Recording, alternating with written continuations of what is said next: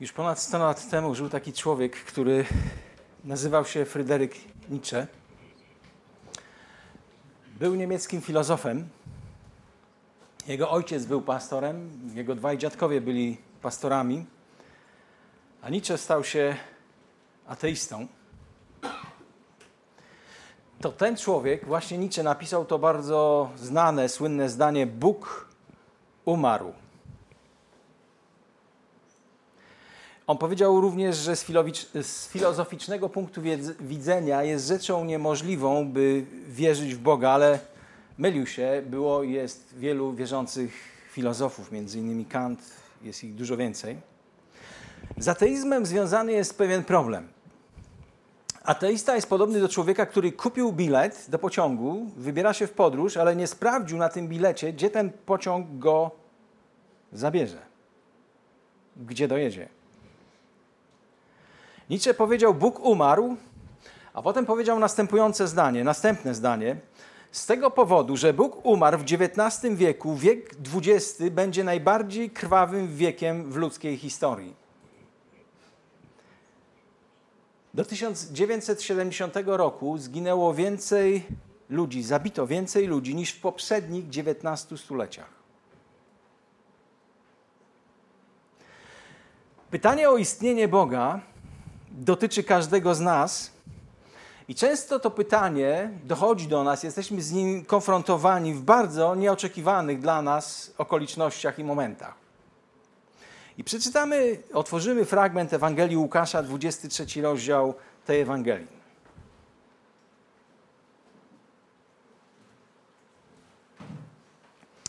I przeczytamy od 39 do 43 wersetu ten tekst. Ewangelista Ewangelia według świętego Łukasza. Ewangelista Łukasz zapisał te słowa w 23 rozdziale 39 do 43.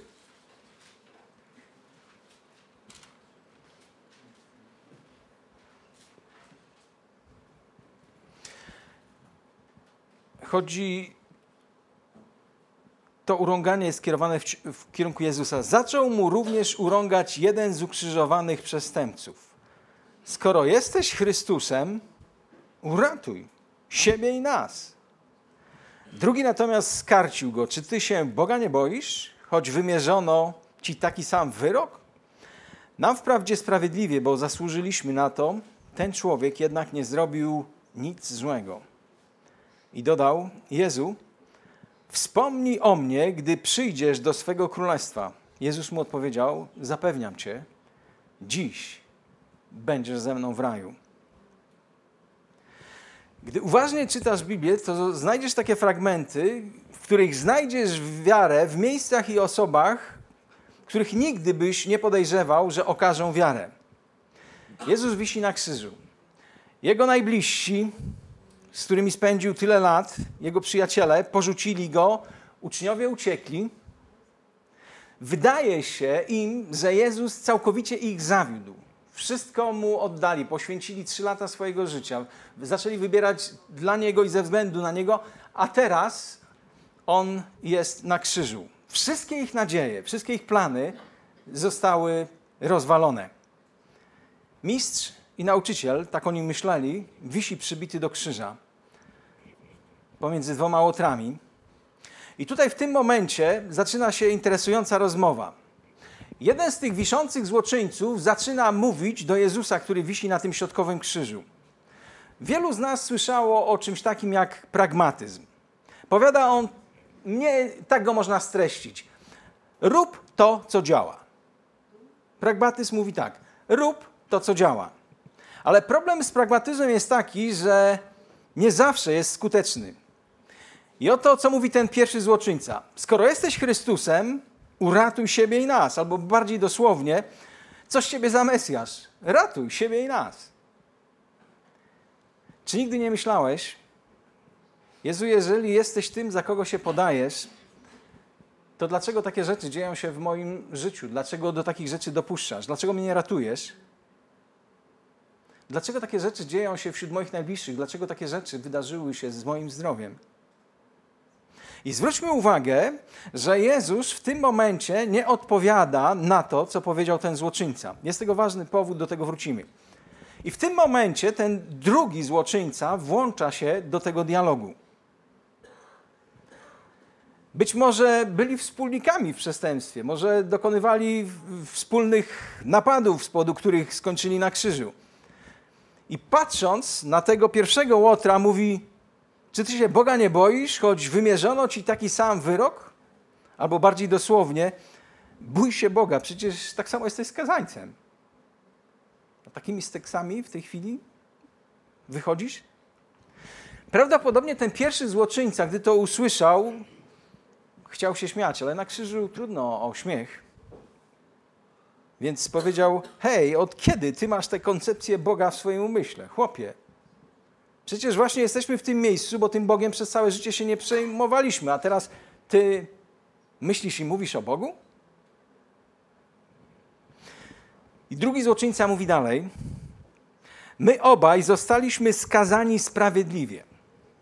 Słusznie ponosimy karę za to, co zrobiliśmy, ale ten człowiek nic złego nie zrobił i rzekł: Jezu, pamiętaj o mnie, kiedy już będziesz w swoim królestwie. I odpowiedź Jezusa: Bądź pewny, dziś jeszcze będziesz ze mną w raju, odpowiedział mu Jezus. Ten złoczyńca uznał trzy rzeczy. Po pierwsze, on spojrzał na swoje życie i odkrył bardzo ważną prawdę, że jest grzesznikiem. Nie ma niczego bardziej odkrywczego w życiu człowieka, w moim i Twoim życiu, niż odkrycie prawdy o moim sercu, o Twoim sercu. Nie ma ważniejszego odkrycia w życiu człowieka niż odkrycie prawdy o tym, jakie jest jego serce. Dlaczego? Dlatego, że dopóki nie znam odpowiedzi na pytanie, kim jestem, tak długo nie wiem, jak mam żyć. Jeżeli nie wiem, kim jestem, to skąd mogę wiedzieć, jak mam żyć? To, kim jestem, decyduje i określa to, co robię, albo to, co powinienem robić. W 1980 roku mieliśmy w Warszawie katastrofę lotniczą.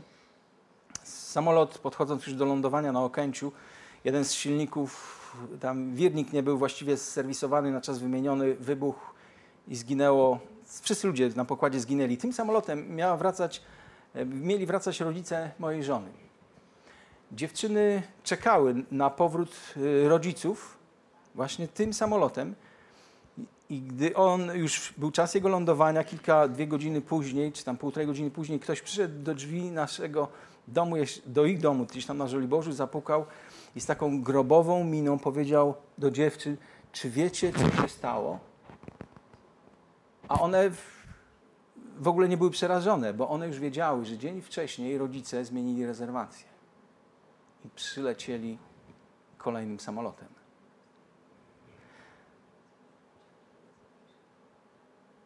Kilka lat później, dokładnie 7 lat po tej katastrofie, była kolejna lotnicza katastrofa w Detroit.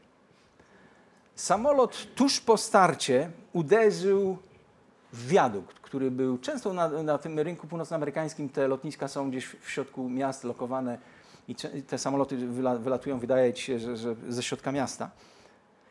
I powołano komisję, która miała zbadać przyczyny tej katastrofy.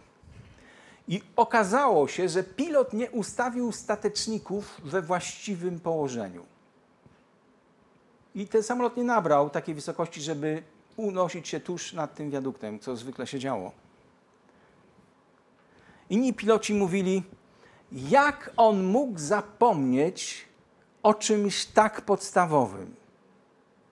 Jak mógł zapomnieć o tak podstawowej rzeczy? I w ten czas jeden z ekspertów lotniczych, który badał, był częścią tej komisji, powiedział: Było wiele katastrof lotniczych z tego powodu, że coś bardzo podstawowego zostało przeoczone i zaniedbane.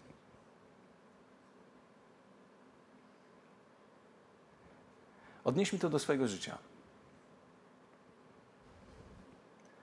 Czy rozprawiłeś się z tym podstawowym pytaniem, kim jesteś?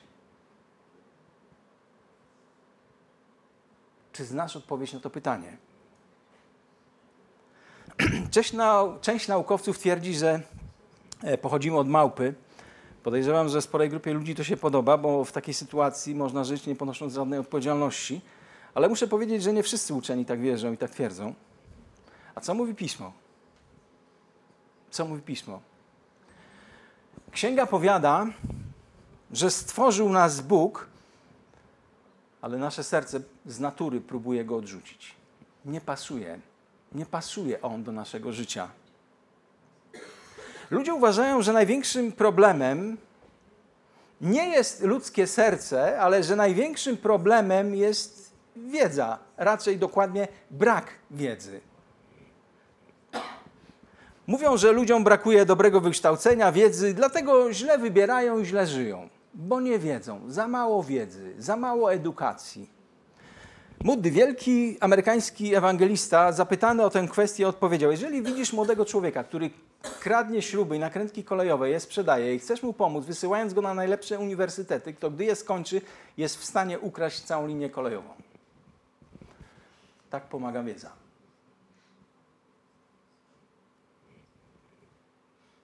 Czy wiemy, Często ludzie chodzą do psychologów. Dlaczego to robimy? Bo chcemy znaleźć bardzo często odpowiedzi na dręczące nas pytania, których nie mamy. I najczęściej szukamy tych odpowiedzi właśnie u tej grupy ludzi. A wiecie, jaka jest grupa ludzi wśród, zawodowa, wśród której jest najwięcej samobójstw? Psychologowie. A wiecie dlaczego? Bo udzielają ludziom odpowiedzi, a sami tych odpowiedzi dla siebie nie mają.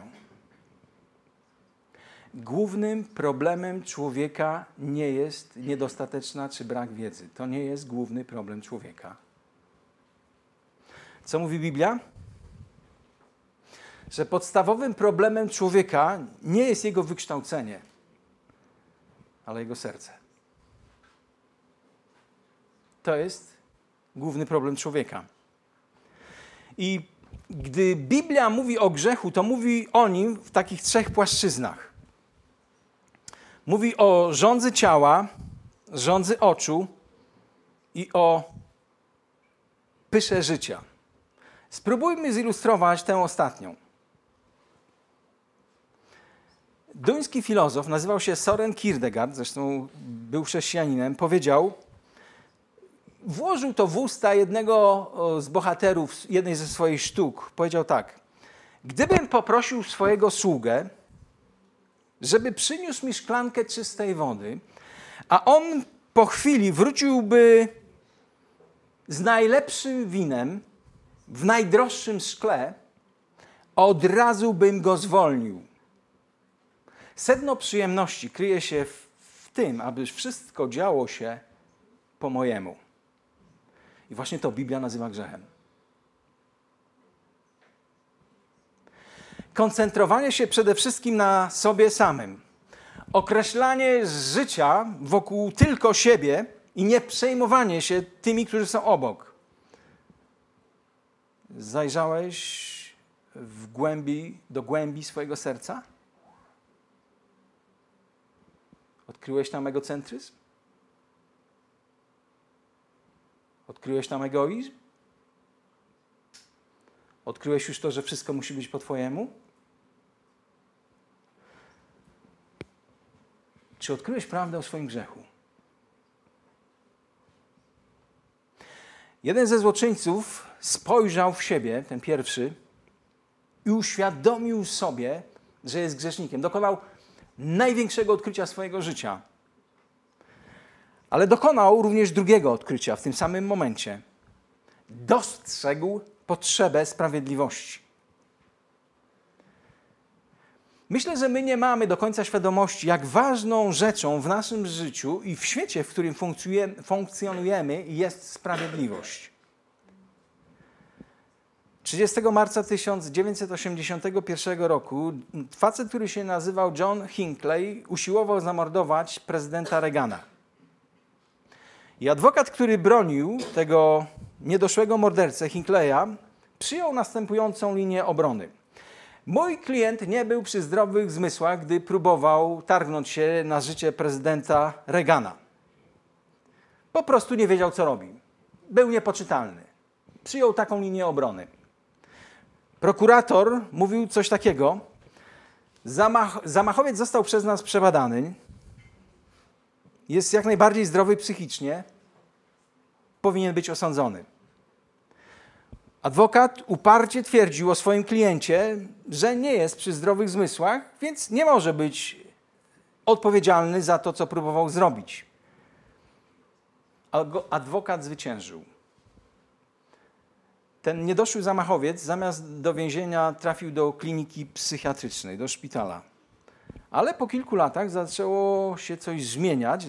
Mówi się o oskarżonym, że zaczyna mu się poprawiać temu niedoszłemu mordercy zaczęło się poprawiać i że znów stanie przed sądem. I adwokat, który wcześniej bronił zamachowca, twierdząc, że nie jest on zdrowy psychicznie, teraz zaczął dowodzić, że ten jego klient jest jak najbardziej zdrowy. A prokurator, który przedtem twierdził, że ten jest zdrowy zamachowiec, teraz będzie twierdził, że jest psychicznie chory, żeby nie wyszedł na wolność, a został przynajmniej w zakładzie psychiatrycznym, ten, który dokonywał zamachu. Jeden z filozofów, Platon, powiedział taką ważną rzecz. Sprawiedliwość jest najsilniejszą podporą dobrego rządu. I jeśli ta najmocniejsza podpora pęka, to cała władza pęka. Sprawiedliwość naprawdę jest bardzo ważną rzeczą. Jeżeli to, co oglądasz, to, co widzisz w świecie, w którym żyjesz i widzisz, jak on się coraz szybciej zawala, to dzieje się to z tego powodu, że coraz mniej w tym świecie jest sprawiedliwości.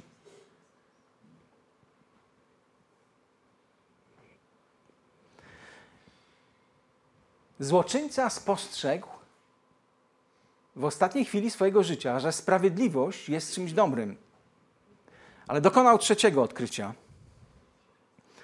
rozpoznał swoją potrzebę Jezusa Chrystusa. Spojrzał w swoje serce, spojrzał wokół siebie i wtedy doszedł do takiego ostatecznego wniosku, że tylko Chrystus i Jezus, ten wiszący na środkowym krzyżu, jest w stanie zmienić jego życie. Ten człowiek otrzymał przebaczenie w ostatnich momentach swojego życia. otrzymał ważne rzeczy. Po pierwsze, otrzymał akceptację. Bóg go przyjął. My często mówimy, że przyjęliśmy Boga. Nieprawda. Prawda jest taka, że wreszcie przestaliśmy przed nim uciekać.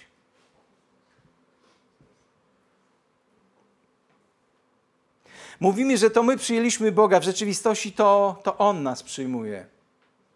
Przyjęliśmy Boga, tak jakbyśmy mu robili przywilej żeby go wpuścić do swojego bałaganu i często totalnie przegranego życia.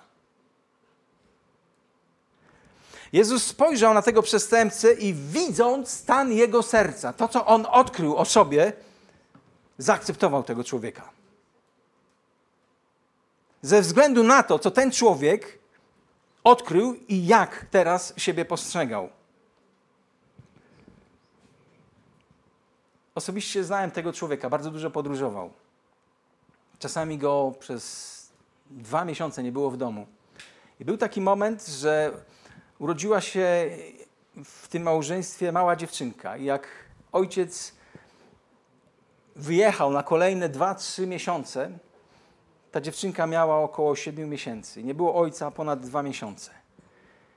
I gdy wrócił i szedł w kierunku drzwi domu, w którym mieszkała jego rodzina, drzwi się otworzyły, a tam stała jego żona z małą córeczką, która miała już około roku i jednego miesiąca. I najpierw ta mała dziewczynka patrzyła zdziwiona na tego człowieka, którego już praktycznie nie pamiętała po tych prawie trzech miesiącach. Ale w pewnym momencie te małe oczka się jeszcze bardziej szerzej otworzyły i bardzo powoli zaczęła stawiać swoje pierwsze kroki. Podeszła bardzo wolno, tatuś do niej podszedł, ukląkł, a ona zarzuciła mu rączki na szyję.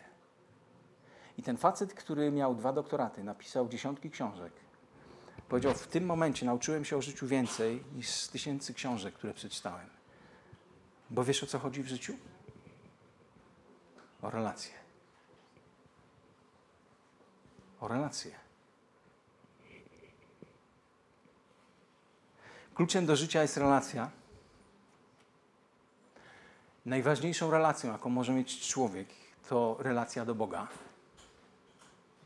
Przestępca został zaakceptowany, jego grzechy zostały przebaczone. I kończąc, opowiem jeszcze jedną historię. Młode małżeństwo.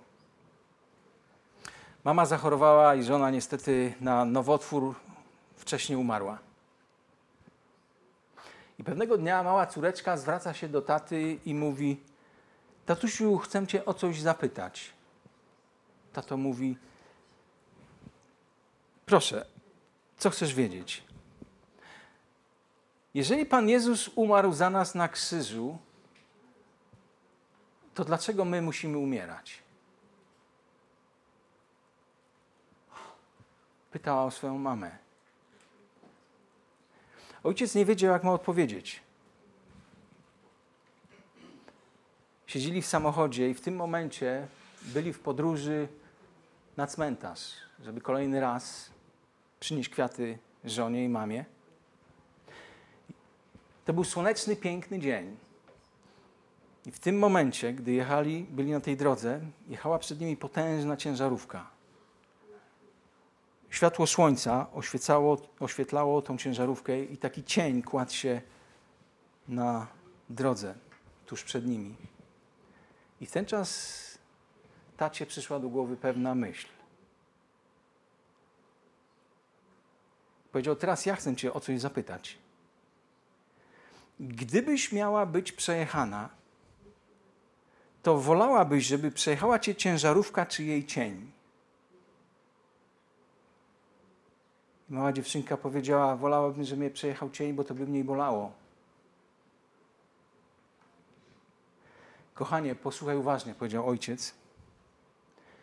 Kiedy Jezus umierał na krzyżu, ciężarówka Bożego gniewu i sądu przejechała przez jego życie. Gdy umieramy my, to tylko cień przez nas przejeżdża. Mamy Boże przebaczenie. Możesz się zwrócić do jakiejkolwiek religii na świecie, do jakiejkolwiek, ale tylko jedna z nich ma krzyż. Tylko jedna z nich. Tylko jedna z nich mówi Tobie, żebyś przyszedł do Niego z wiarą. Tylko jedna z nich. I tylko jedna z nich pozwoli Ci odejść z pełnym przebaczeniem.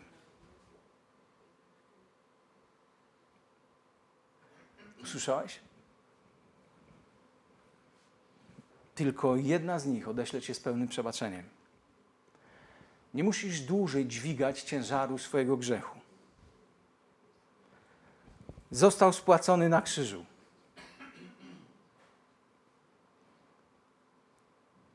Ostatnie słowo na krzyżu brzmiało, wypowiedziane przez Bożego Syna: wykonało się, zapłacone. Bóg przemacza. Bóg przebaczył Łotrowi, dał mu nadzieję na lepszy świat. Dał mu życie w miejscu, w którym była tylko śmierć.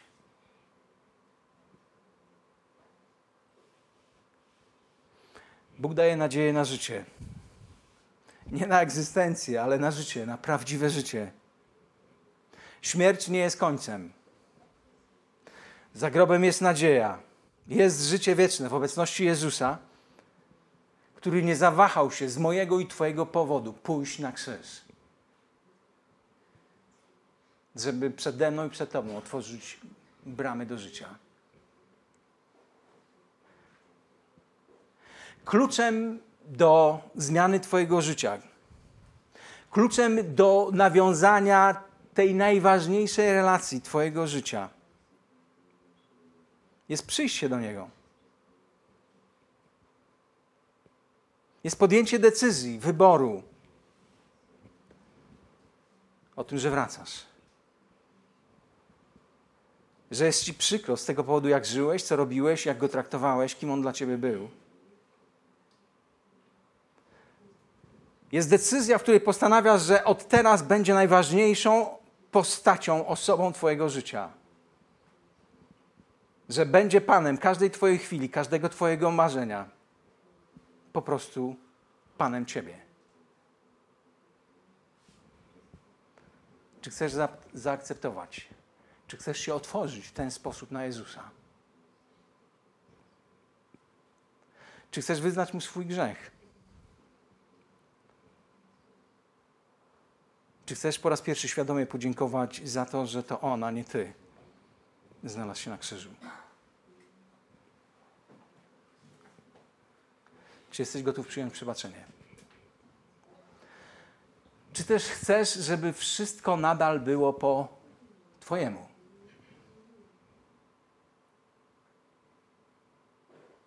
Po tym, co usłyszałeś w ciągu tych ostatnich 20 minut, już Twoje życie nigdy nie będzie takie same.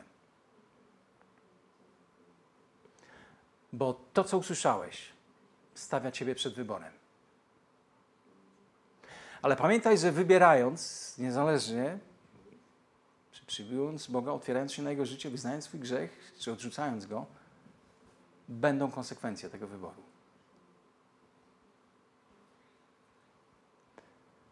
Nie zmarnuj życia. On przyszedł, aby dać nam życie. Do tej pory egzystowałeś, a On chce, żebyś zaczął żyć takim życiem, do jakiego Ciebie stworzył. Co zrobić z Jezusem? Z tym, co dla siebie zrobił.